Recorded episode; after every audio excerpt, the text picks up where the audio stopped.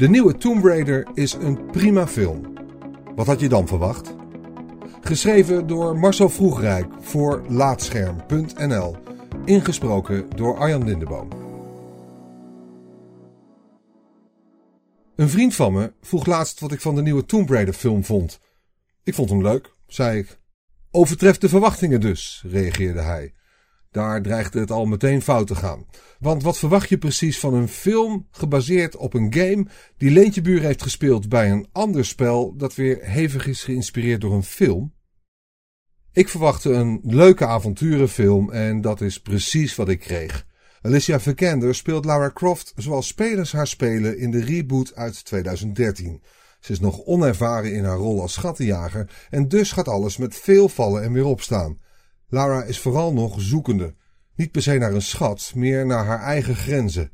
Dat blijkt wel wanneer ze voor het eerst een ander mens doodt. Het is een ontdekkingsreis voor zowel Lara als jou, of dat nou als speler of kijker is. De rest van de film vliegt voorbij. Lara moet een manier zien te vinden om van het eiland te komen waar ze is gestrand. Niet geheel toevallig blijkt een diep begraven tombe de sleutel tot haar ontsnapping. Ze schiet een paar mensen neer, lost onder tijdsdruk nog wat puzzels op en ontrafelt ook nog eens het mysterie rondom haar natuurtalent voor avonturieren. Zo gaat het in avonturenfilms en in avonturengames. Terwijl ik de bioscoop uitloop, lees ik op mijn telefoon wat recensies. Dat had ik niet moeten doen. Ik weet niet wat ik verwachtte, maar uit recensies bleek dat het toch weer niet was wat mensen verwacht hadden. Of juist wel wat ze hadden verwacht. Een aardige avonturenfilm, maar ook niet meer dan dat. Je verwacht het niet. Spoiler, het spel Tomb Raider is ook niet veel meer dan prima. Puur als game, tenminste. Het klimmen, vechten en puzzelen was op zichzelf niet heel speciaal. Wat de nieuwe Tomb Raider bijzonder maakte, is dat al die aspecten op zo'n vloeiende wijze samenkwamen. Filmisch bijna, zou je kunnen zeggen. En dat werd ook veel gezegd. De nieuwe Tomb Raider games en inspiratiebronnen Uncharted worden nogal eens geprezen om hoe ze spelen als een film. Dat is ongetwijfeld de droom van menig ontwikkelaar en liefhebber in het algemeen. Yes, games zijn net zo goed als films. We hebben het geflikt. Het is ook echt een mooi compliment. Van films is bekend dat ze kunnen ontroeren of je aan het denken zetten. Bij games is nog lang niet iedereen overtuigd. Games nemen films daarom veelal als voorbeeld. En als imitatie de hoogste vorm van vleierij is, dan is een gameverfilming dat ongetwijfeld voor ontwikkelaars en uitgevers.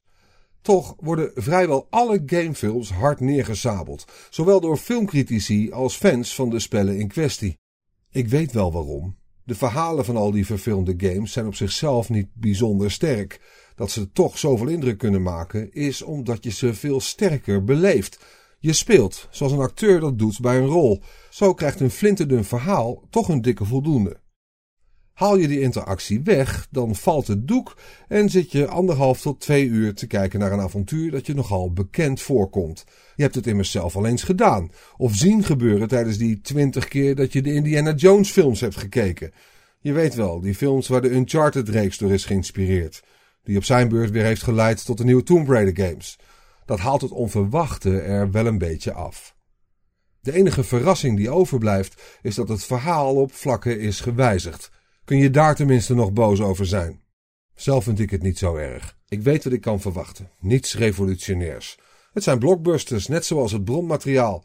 Ik verwacht geen Oscar-nominatie voor Tomb Raider, net zoals Dwayne Johnson dat niet deed voor zijn rol in San Andreas. Ik kijk nu al uit naar de verfilming van Rampage.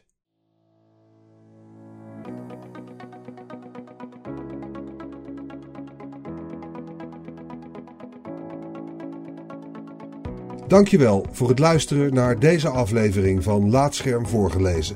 Als je waardeert wat we hier doen, dan zouden we het leuk vinden als je iemand anders vertelt over laatscherm.nl of een van onze verhalen deelt op social media.